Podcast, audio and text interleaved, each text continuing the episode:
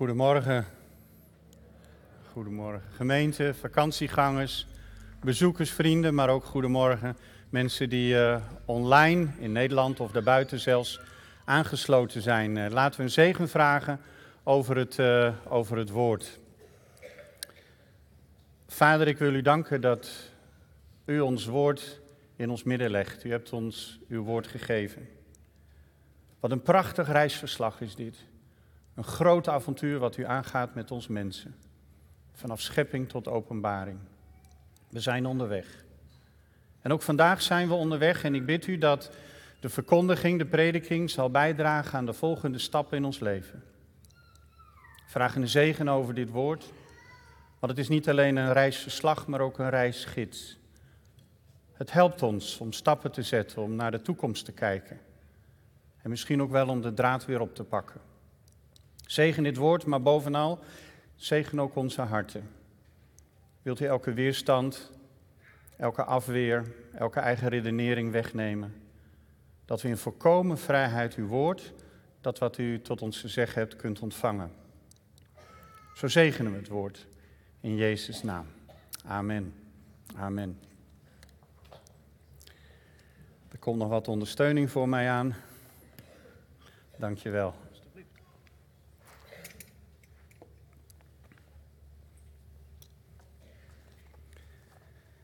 Ja, het thema waar ik zo vanmorgen met u over na wil denken gaat over het volgende. Zijn wij roepers of volgen we de roeping die God op ons leven heeft gelegd, zijn uitnodiging? Zijn wij roepers? Zijn wij aan het roepen of volgen we zijn roeping? Het eerste wat ik daarover wil zeggen is dat ik met hand op de schrift tegen u mag zeggen: U bent uniek. Ik heb een bijzonder perspectief zoals ik deze enorme mooie grote zaal gevuld mag zien.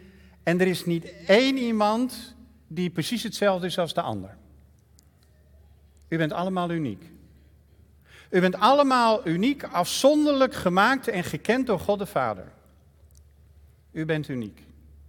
Jij bent speciaal. Er is niemand die jouw leven kan leiden dan alleen maar jij. Het unieke gaven en talenten, unieke ervaring, unieke toerusting, fysiek, geestelijk, emotioneel, met unieke ervaring. Jij bent uniek. Uniek uit genade. Niet omdat je jezelf een beetje op de borst mag kloppen, maar uniek omdat God jou uniek heeft bedoeld. Hou deze gedachte even vast. Ik kom er straks nog op terug. Jij bent uniek. En dat unieke, dat is ook nog wel eens een zwaarte. Moet ik dat dan gaan doen? Is dat voor mij bestemd? Het unieke is prettig, je bent onderscheidend, je bent anders, maar het kan ook als een last zijn. Nu over het thema roepen of roeping, daar neem ik u even heel kort mee naar een kleine anekdote uit mijn eigen leven. Ik was net uh, christen, ik had een keuze voor Jezus gemaakt, een ruige jeugd achter de rug. En ik was zo aan het zoeken, ik was in een evangelische gemeente tot geloof gekomen. En ik was nog zo wat aan het zoeken en ik zat volop in de bediening, in het jeugdwerk, evangelisatiewerk in Utrecht. Ik werkte op Hoog Katerijnen, werkte in de hulpverlening. En af en toe was ik ook best wel een beetje moe van al dat werk. En misschien ook wel een beetje moe van mezelf. Ik kon moeilijk, moeilijk nee zeggen. En dan was er weer een nood of een probleem en dan stapte ik daar weer op af in de gemeente of ergens anders. En dan probeerde ik zo goed en zo kwaad als dat dan ging, jongeren te helpen. En dat ging met vallen en opstaan. En ik zette me daar 100% voor in. En om dat wat af te wisselen, nam ik wat langere periodes om in de stilte te gaan. En uh, ik ontmoette een aantal lieve broeders. En uh, geweldig vanuit de charismatische vernieuwing. Misschien kent u het wel of misschien ook niet. Dat zijn katholieke, geestvervulde christenen. Die uh, helemaal openstaan voor een nieuw elan in hun leven. Heel bijzonder.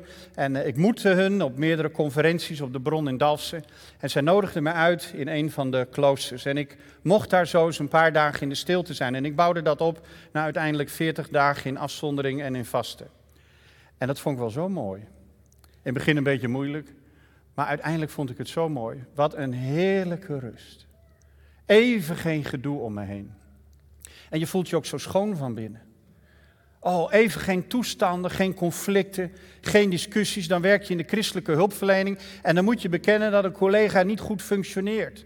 Ja, die wordt dan ontslagen. En dat soort dingen wringen. Ingewikkelde dingen in je leven. En jongeren met problemen, en dan denk je, ja, dat kan ik toch niet goedkeuren. En toch uh, vallen ze weer terug, of ze gaan aan de drugs of andere dingen. En ik dacht, oh, wat, wat een heerlijke plek is dit, het klooster. Niet dat ik katholiek wilde worden vanuit mijn evangelische achtergrond, maar ik zei tegen een van de, van de broeders, er waren twee geestelijk begeleiders, ik zei, broeder Frans, ik zou hier wel willen blijven. En toen zei hij iets dat heeft een ommekeer in mijn leven gebracht. Gabriel, ben je een roeper of heb je een roeping? Ben je aan het roepen vanuit de stress en de spanning die je in je leven ervaart? Omdat je het moeilijk vindt om grenzen te stellen en geniet je hier van de rust? En God zegent die rust ook. Maar de vraag is of je een roeping hebt om een leven te leven vanuit de stilte en gebed. En misschien wat in pastoraat of in diensten te gaan doen. In die brede kerk die zich op een prachtige manier aan het ontwikkelen is. Is het een roeping of ben je aan het roepen? En ik moest bekennen dat ik aan het roepen was. Ik vluchtte weg voor de drukte, voor de hectiek en ook wel de zwaarte die ik voelde. In de zorg, in de hulpverlening en dat gaat zo met vallen en opstaan. Ik moest gaan leren om niet zo radicaal te zijn en te zeggen, ja, dan ga ik 100% de stilte in, want dat heb ik nogal. Als ik iets moois heb gevonden, dan wil ik daar ook 100, misschien wel 200% voor gaan. Nee, God moest mij vormen en laten zien dat ik de drukte van alle dag, begeleiden, het helpen van mensen, mocht afwisselen met periodes en momenten van stilte. De matigheid, het midden der dingen, is een van de vruchten van de geest. Dat even als beeld en introductie op het thema roeping.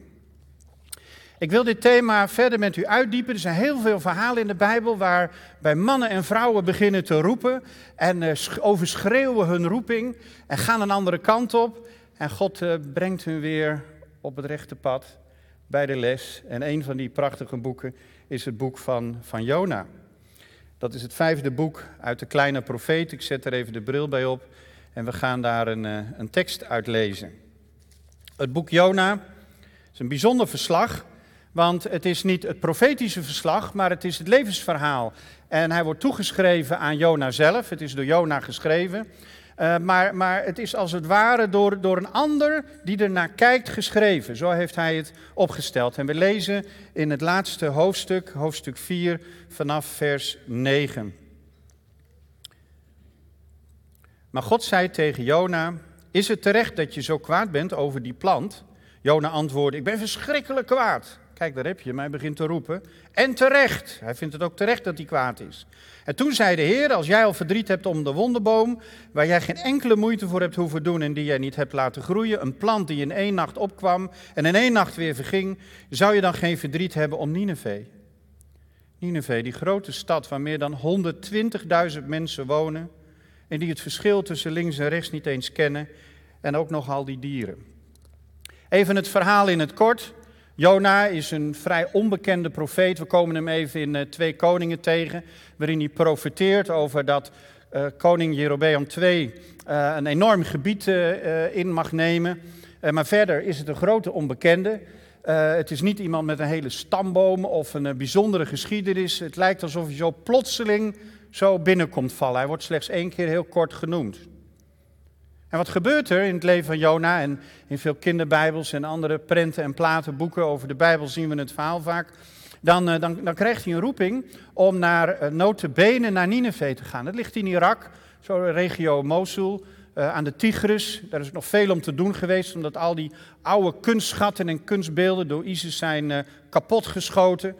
Het was een, een rijk gebied, een bijzonder, meer dan 70 paleizen, enorm gebied, pracht en praal, vele goden, vele goden en godinnen die werden erveerd, hangende tuinen, architectonische constructies. Het was echt een prachtige stad, maar ze leefden in diepe zonde en in afgoderij. Nou, de grondtoon van uh, dit Bijbelgedeelte is dat God genadig is over mensen. En niet alleen over mensen in Israël, het verbondsvolk, maar ook de volkeren daaromheen. God is genadig over alle mensen. Elke stad, elke familie, elk uniek persoon. En dan uh, wordt Jona op pad gestuurd uh, naar Nineveh om daar te profiteren. En hij denkt, dat, dat, gaan we niet doen. En hij piept er tussenuit en hij neemt een schip richting Tarsus. Dat ligt nu in het huidige Zuid-Turkije. Hij piept er tussenuit en hij gaat liggen slapen. Er komt een enorme storm. En dan, uh, ja, iedereen is helemaal in rep en roer op dat schip, want het schip dreigt in tweeën te breken. En dan willen ze het lot gaan werpen en uitzoeken van, ja, wie is nou de oorzaak, oorzaak en gevolg van deze vloek, deze tegenstand, wat hebben we gedaan? En uh, ze komen er niet uit en de schipper die doet onderzoek en dan, en dan ligt Jona te slapen. Soms als het te zwaar wordt in ons leven, een roeping van God ervaren, willen we er tussenuit. We willen niet alleen weglopen, onze rug keren naar de route die we te gaan hebben, maar we willen het liefst ook, uh, ook weg in slaap. Slapen, weg. Ik wil het niet meer, ik kan het niet meer. In slaap. En hij wordt wakker gemaakt en Jona bekent dat hij de oorzaak is van de storm. En dat hele schip, dat wordt vaak vergeten, maar dat hele schip bekeert zich. Ze, ze brengen offers en ze doen beloftes en, en ze aanbidden de God van Jona. Het is fantastisch wat er gebeurt. Een opwekking, een bekering, midden in de nood. In de nood leren we God kennen, leren we ook onszelf kennen. Jona zegt, jullie moeten mij maar overboord gooien en dan komt het goed. En dat doen ze. En de storm die gaat liggen. En het bekende verhaal, dan wordt Jona opgeslokt door de vis en blijft daar in de buik drie dagen. Er is nog een prachtig eh, lied zit er in, de, eh, in dit boek, een prachtig eh, vers. Um, en dan wordt hij na drie dagen uitgespuugd op het droge. En dan, ja, dan uh, uiteindelijk gaat hij zijn opdracht vervullen en dan gaat hij profiteren. Dus hij sjouwt die stad in en door en uh, hij profiteert. En dan, dan komt dat bericht bij de leiders van de stad en die geloven dat woord. En die, en die roepen een vaste uit, een periode van rouw en bidden. En zelfs de dieren krijgen geen eten en drinken en mogen niet grazen. En dan krijgt God berouw en dan gaat hij het niet doen. En Jona die heeft heeft afstand genomen. Dat is de tweede reactie die we kunnen hebben als we het moeilijk vinden, niet zien zitten. De eerste is, we vluchten en we gaan een beetje slapen, we, keren ons er vanaf, we willen het niet meer weten. Het tweede is de cynische, kritische afstand. Hij bouwt een hut, zit op een heuvel in de verte te kijken en dan ziet hij dat God Nineveh niet vernietigt. En dan wordt hij toch op partij boos, begint hij weer te roepen. En hij zegt, zie je wel, u bent genadig, u bent goed en dan loop ik hier te profiteren en doe ik mijn best. Ik riskeer mijn leven. Ik ben helemaal een verre reis doorgegaan. En dan doet u niet wat u eerst hebt gezegd. U verandert het zomaar. En dan zegt God, maar ik heb, ik heb gezien, ze hebben hun, hun leven veranderd. Ze hebben hun leven veranderd en ik wil genadig zijn. Ik wil genadig zijn. En dan um, zit hij zo nog wat te mokken in zijn hutje. Hij heeft een, een soort hut gebouwd, misschien van palmtakken. En kijkt zo over die stad uit. En dan schiet daar een wonderboom op, een mooie struik die geeft hem schaduw en dan zegt hij, oh, nou word ik toch nog een keer bevestigd. Oh, en dan geniet hij helemaal van die boom en de volgende dag is die boom verdord. En heeft hij bijna zoiets van, heer, zie je, u doet het weer. Wat gebeurt er toch allemaal in mijn leven? Ik heb een belofte, ik heb een idee, ik geniet ergens van en het breekt me elke keer bij de handen af. Ik ben boos en dat is nog terecht ook. En hij is zo boos, en dat gebeurt met boosheid in ons leven, dan slaat de destructie toe. En dan zegt hij, ik wil wel dood. Ik wil wel dood, ik wil niet meer. Ik wil niet alleen slapen, maar ik wil dit leven zo niet meer. Ik wil wat dood. Tot twee keer toe zegt hij dat in het laatste gedeelte. Ik, ik wil er tussenuit. Een roeper. Een roeper vanuit zijn teleurstelling. Een roeper vanuit zijn pijn. Een roeper omdat God het toch een beetje anders doet dan hij heeft bedacht. Een roeper ook vanuit zijn eigen ego. Want wat we hier lezen is dat Jona in wezen niet met zijn roeping bezig is, maar met zichzelf. Met zijn eigen hart, met zijn eigen eer, met zijn eigen angst, met zijn eigen emotie. En dan lezen we in dit prachtige gedeelte dat God zegt, maar God zei tegen Jona, is het terecht dat je zo kwaad bent over die plant? Want die plant, ach, die heb je zelf niet gemaakt, heb je niks aan gedaan. Um, die is van mij. En jij, jij maakt je daar, daar zoveel zorgen over, want je genoot zo van die plant. En ja, het was zo'n mooie bevestiging.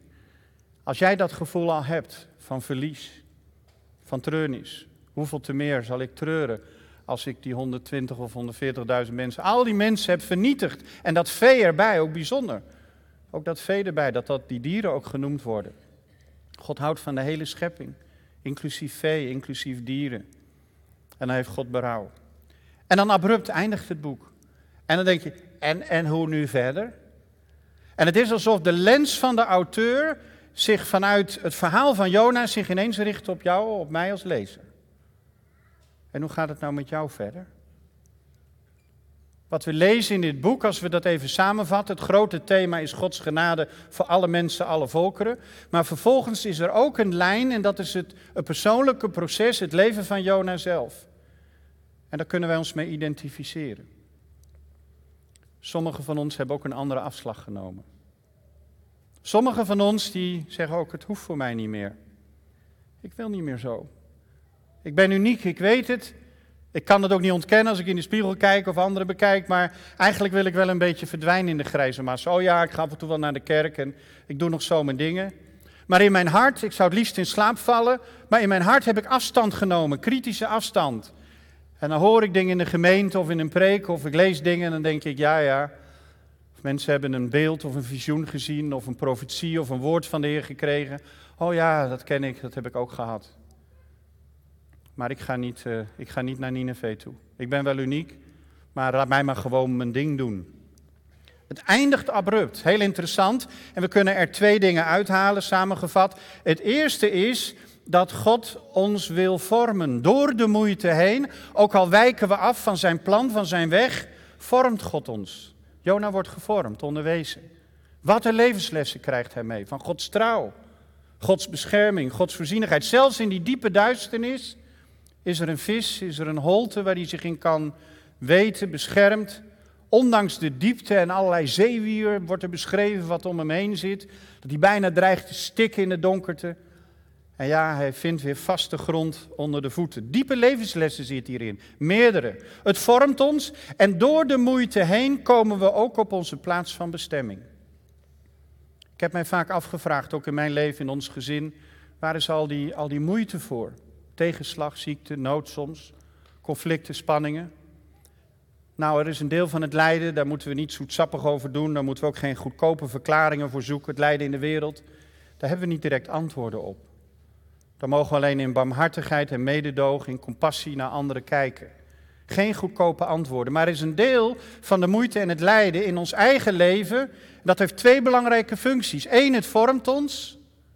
En twee, het brengt ons op de plaats van bestemming. Door de moeite heen kom jij en ik op de plaats van bestemming. Niet door al je successen. En wat is succes? Door moeite heen kom je op de plaats van bestemming. En Jona kwam op de plaats van bestemming. En wat was de plaats van bestemming? Aan de voeten van God de Vader en zijn volle genade ervaren. Ik hou van de mensen in Nineveh. Ze zijn onwetend. Ik ben een genadegod. Wat is jouw plaats van bestemming? De plaats van genade. Niets meer van jezelf, bij God zelf. En die lens die richt zich dus vanuit het verhaal ineens naar ons toe. Hoe is het met jouw reis? Hoe is het met jouw vorming? Hoe is het met jouw roeping? Ja, ik moet hier even denken aan een, uh, aan een gebeurtenis. Iemand bemoedigde mij ook. Ik heb het gedeeld in de Radical Dienst. Heel kort uh, even een anekdote. Ik gaf een, uh, een, een college voor school dropouts, noemen ze dat. En school dropouts zijn jongeren die al 1, 2, 3, soms sommigen zelfs 10 jaar niet meer naar school zijn gegaan. Om verschillende redenen. Verslaving, problemen, gedoe thuis. En uh, nou, die docenten die dachten, ik ben benieuwd of uh, die jongeren een beetje stil kunnen zijn. Want er komt nu een professor voor de klas. Uh, nou ja, ze redden bij mij nog geen half uur, hoe zou dat gaan? En ik had gezegd dat ik graag een hele ochtend met die jongeren daar wilde zijn. En in die ochtend ben ik zo begonnen. Er waren 50 jongeren in de regio Leiden. Jongeren met gebroken levens. En ik ben zo begonnen. Want het eerste wat je moet doen in het onderwijs is natuurlijk contact maken. En hoe maak je contact? Contact maak je niet door stoere verhalen te vertellen of de professor uit te hangen, maar contact maak je in kwetsbaarheid. Velen van jullie, zei ik, zijn op een plaats der moeite geweest, op straat rondgezworven. En ik kan je zeggen, ik ben ook op die plaats geweest. Velen van jullie hebben mishandeling en geweld meegemaakt. Ik kan je zeggen, ik ben ook op die plaats geweest. Velen van jullie hebben drugsgebruik zelf of van dichtbij meegemaakt. De ellende en de dood daarvan.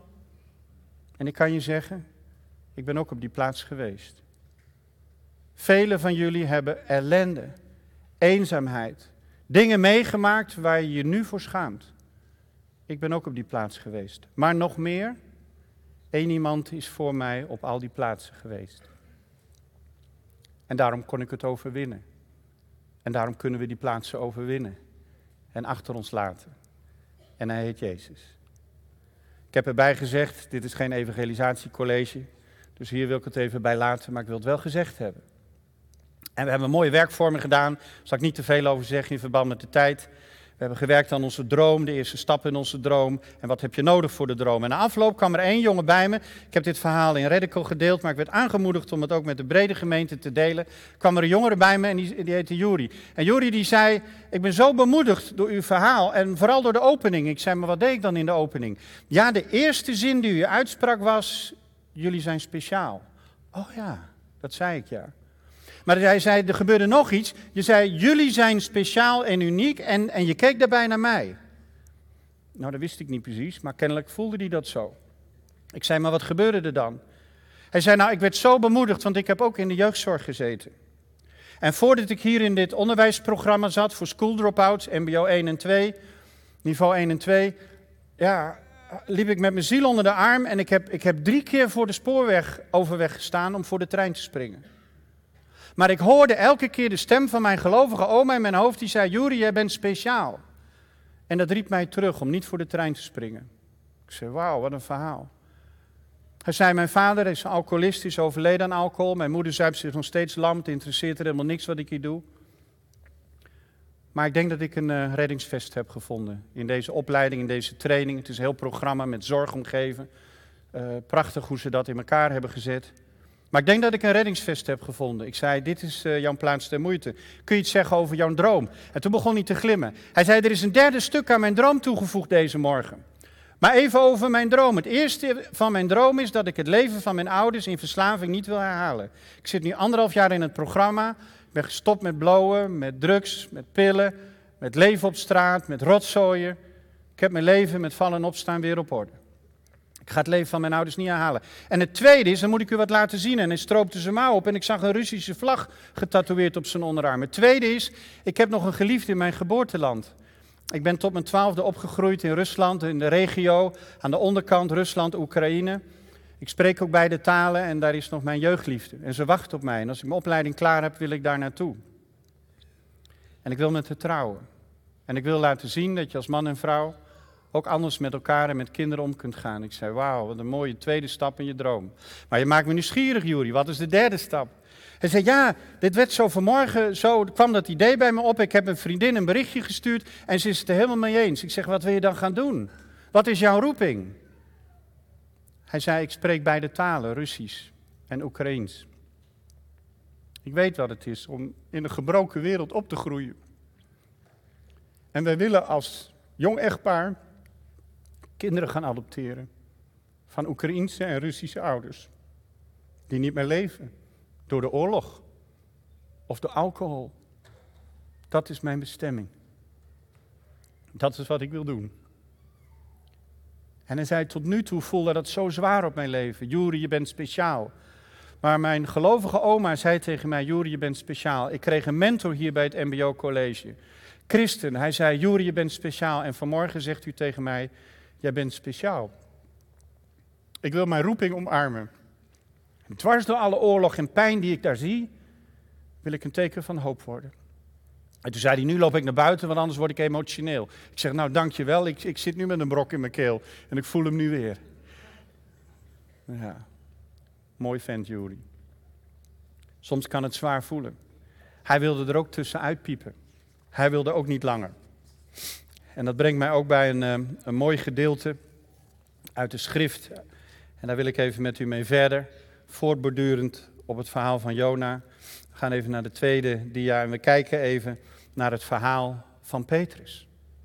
Petrus, Simon Petrus, zoon van Johannes, zoon van Jona. Jezus spreekt hem aan. Hij is zoon van Jona. Johannes, Jona, zelfde naam. We gaan even verder. De lens richt zich op ons vanaf het verhaal van Jona en dit kort getuigenis. En we gaan kijken in de schrift naar Petrus. Volgende dia mag zichtbaar worden, Petrus vers 21. Opnieuw aangenomen, Petrus. Petrus zei, um, sorry, toen ze gegeten hadden, sprak Simon Petrus aan, sprak Jezus Simon Petrus aan, Simon, zoon van Johannes, zoon van Jona, heb je mij lief, meer dan de anderen hier? Meer dan gemiddeld? Petrus antwoordde, ja heer, u weet dat ik van u houd. En hij zei, wijd mijn lammeren. Petrus was ook van het pad afgeraakt. Had een mooie tijd gehad, drie jaar onderwijs. Geweldige periode van opbouw, groei, wonderen tekenen. En dan in de kortste tijd gaat het helemaal mis. Het verraad, de verlogening, de arrestatie, de mishandeling. Wat een trauma's. Wat een pijn. Ik hoef niet meer. Ik wil niet meer zo. Ik kan niet meer. Ik weet dat ik uniek ben. Ik word zelfs de rots genoemd. Maar hoe nu? Ik ben zo week als een kwal. Ik, er is niks, geen fundament. Er is helemaal niks, geen stevigheid meer over. Alles is me uit de handen geglipt. Laten we maar weer gaan vissen. Laten we maar weer gaan vissen, zegt Petrus. Ondanks een aantal openbaringen en dat Jezus is verschenen, laten we maar weer gaan vissen. Wat moeten we anders doen? Dat bracht mij bij de volgende anekdote. Ik was een paar weken geleden was ik in het klooster in Denenkamp. Uh, ik begeleidde daar een aantal leiders in een uh, retreat, in een stilteperiode. Ach, wat hebben we soms behoefte aan stilte. Leiders van organisaties, allerlei organisaties. En wilde daar in de stilte en ik wisselde leiderschapstraining en stilte, wilde ik wat met, wisselde wat met elkaar af. En uh, de moeder overste, zuster Christella, die kwam even bij ons en die heb ik uitgenodigd om iets te vertellen over haar roeping. En het is een klein klooster, we leven nog zeven nonnen, allemaal uit Indonesië overigens. Allemaal een unieke roeping ervaren en verzorgen daar nog 32 oudere zusters, de oudste is 106. En ze ontvangen daar mensen voor trainingen en cursussen en andere dingen. En zuster Christella die zei uh, het volgende, ik kom uit een moslimgezin... Maar ik werd echt geroepen door de Heer. Ik wilde echt christen worden, maar ik vond dat moeilijk. Ik hield van mijn broertjes en zusjes en mijn vader en mijn moeder en, en het bedrijf van mijn vader. En dat was mijn eerste liefde. En het tweede is, ik had een ontzettende knappe, leuke vent. Leuke vriend. Maar elke keer als we bij elkaar waren, dan trok mijn grote liefde, mijn liefde voor God mij. En uiteindelijk ben ik naar de nonnen gegaan en heb ik mezelf gegeven aan de Franciscaanse kloosterorde. En ze is Franciscanes geworden en uiteindelijk moeder overste hier in, uh, in Nederland. En ze zei, maar weet je Gabriel, het, mijn leven is zo vervuld met God en de dingen die ik voor God mag doen. Maar als ik het af en toe moeilijk heb, dan, dan denk ik altijd terug aan, aan die oude liefdes. Ach, was ik maar thuis gebleven. Had ik het goed gehad. Ach, was het misschien een hersenspinsel dat ik dit moest doen? Of die andere liefde? Ach, mijn lieve vriend, wat hadden we het goed gehad? Hadden we een gezinnetje? Had ik toch ook mooie dingen voor God kunnen doen? Als het moeilijk wordt in ons leven, als de, de, de, de roeping ter discussie staat in ons hart, dan neigen we wel eens om terug te gaan. En wat doet Petrus? Laten we maar weer gaan vissen. Hele natuurlijke reflex. En sommige lieve broeders en zusters van jullie zijn weer gaan vissen. De roeping was zwaar. En de profetie of de leiding die je hebt ervaren van de Heer of de inzichten. Of gewoon puur de roeping die je hebt ervaren. Je dacht het zal wel een hersenspinsel zijn. Laat me maar een beetje verdwijnen in de massa. Het hoeft voor mij niet. Laten we maar weer gaan vissen. En ik kan wel een beetje vroom werk doen. En af en toe uh, de collecte goed vullen. En nog eens een, uh, een, een, een, hulpje doen of eens een uh, ondersteuning doen. Maar, och, speciaal. Ik ben niet zo speciaal. En toch, op het moment dat ze aan het vissen zijn, is daar aan de oever die vreemdeling. En die zegt, jullie vangen niks, hè? gooi je net eens over aan de andere kant. Jullie kennen het verhaal.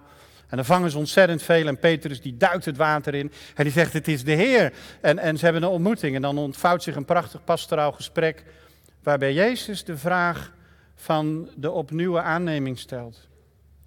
Geen verwijt. Waarom ben je van het pad afgeraakt? Geen, geen discussie over en, en waarom heb je het niet volgehouden?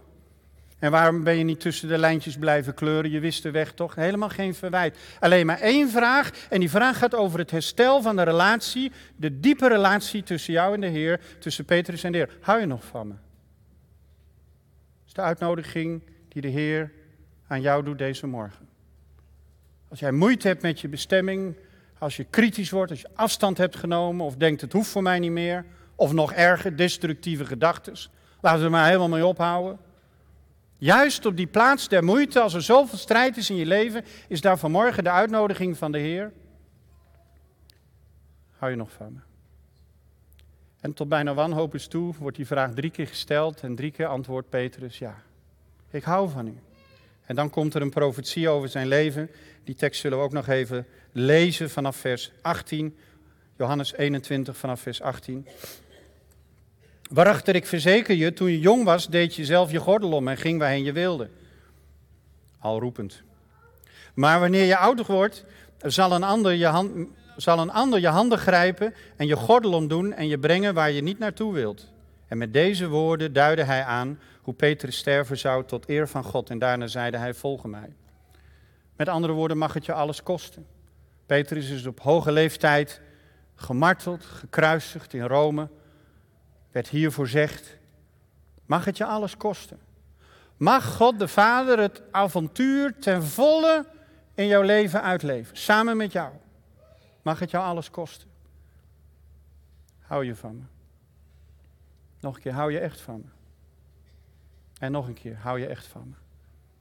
En als je daarop ja kunt antwoorden, en sommigen willen opnieuw aangenomen worden.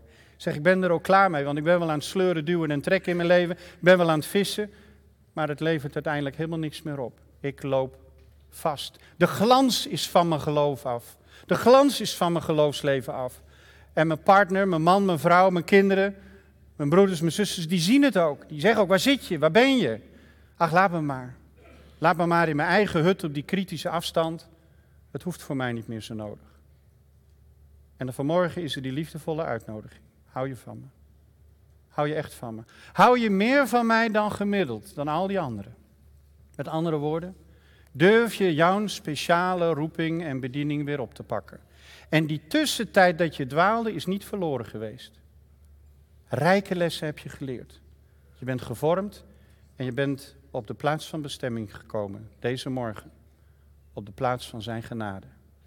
En als je ja zegt, opnieuw ja zegt tegen Jezus, dan zal je leven vervuld worden. Geen angst, geen overmatige zorg, geen vluchtgedrag meer. Geen vluchtgedrag voor de ander. Je maakt je partner ook eenzaam als je van het pad afraakt, als je andere stappen zet, omdat je de geestelijke connectie kwijtraakt. Je raakt ook de geestelijke connectie met de gemeente, je broeders en zusters, met je kinderen kwijt. Als jij ja zegt opnieuw in de aanneming op de roepstem, op de vraag van Jezus, zal Jezus een herstelwerk in jouw leven doen. En alles wat de tegenstander heeft beschadigd en geroofd de afgelopen tijd, zal in zijn naam hersteld worden. Er is genade. Er is zoveel genade. Meer dan honderdduizend mensen in Nineveh. Het vee, alle dieren inclusief. En jij bent uniek. Exclusief. En Gods oog rust op jou. Net als op het leven van Juri. En naast je huisje, boompje, beestje activiteiten rust er ook een unieke roeping op jouw leven. In verbinding met anderen. Met de gemeente, de lieve mensen die jou gegeven zijn. Amen. Zullen we een moment bidden?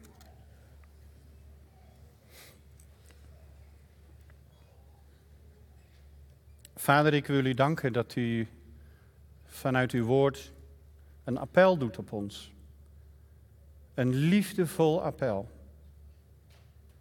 Wat hebben sommigen een moeilijke reis doorgemaakt? Met vallen en opstaan. Zijn teleurgesteld, zijn in de war geraakt. Wisten het niet meer, of wisten het wel, maar wilden het niet meer. Zijn in een andere boot gestapt. Weg van de roeping. Weg van u.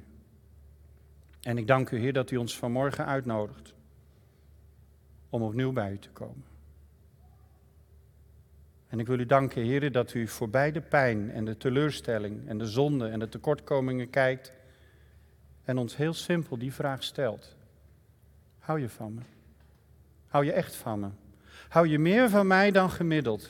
Op een unieke manier die alleen maar tussen jou en mij, zegt Jezus, zich kan ontvouwen. En terwijl we zo onze ogen gesloten houden, in de stilte blijven. Als dit woord ook voor jou is, als het jou aanspreekt, wil ik je vragen om heel eenvoudig gewoon je handen te openen en op je schoot, op je benen neer te leggen. Lege handen. Om ook het gebed wat ik voor je zal bidden vanaf deze plek te ontvangen. Als jij zegt, Heer, neem mij opnieuw aan.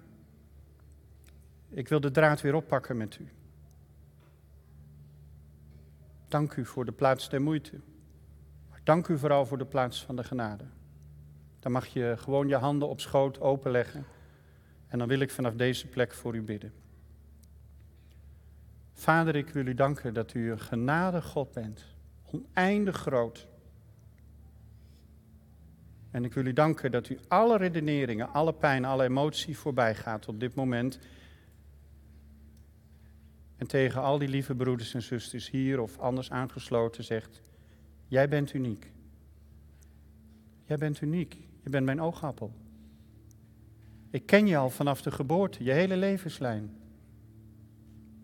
En ook toen je mij de rug toekeerde, of cynisch werd, of afstand nam, of er tussenuit wilde, ik was erbij.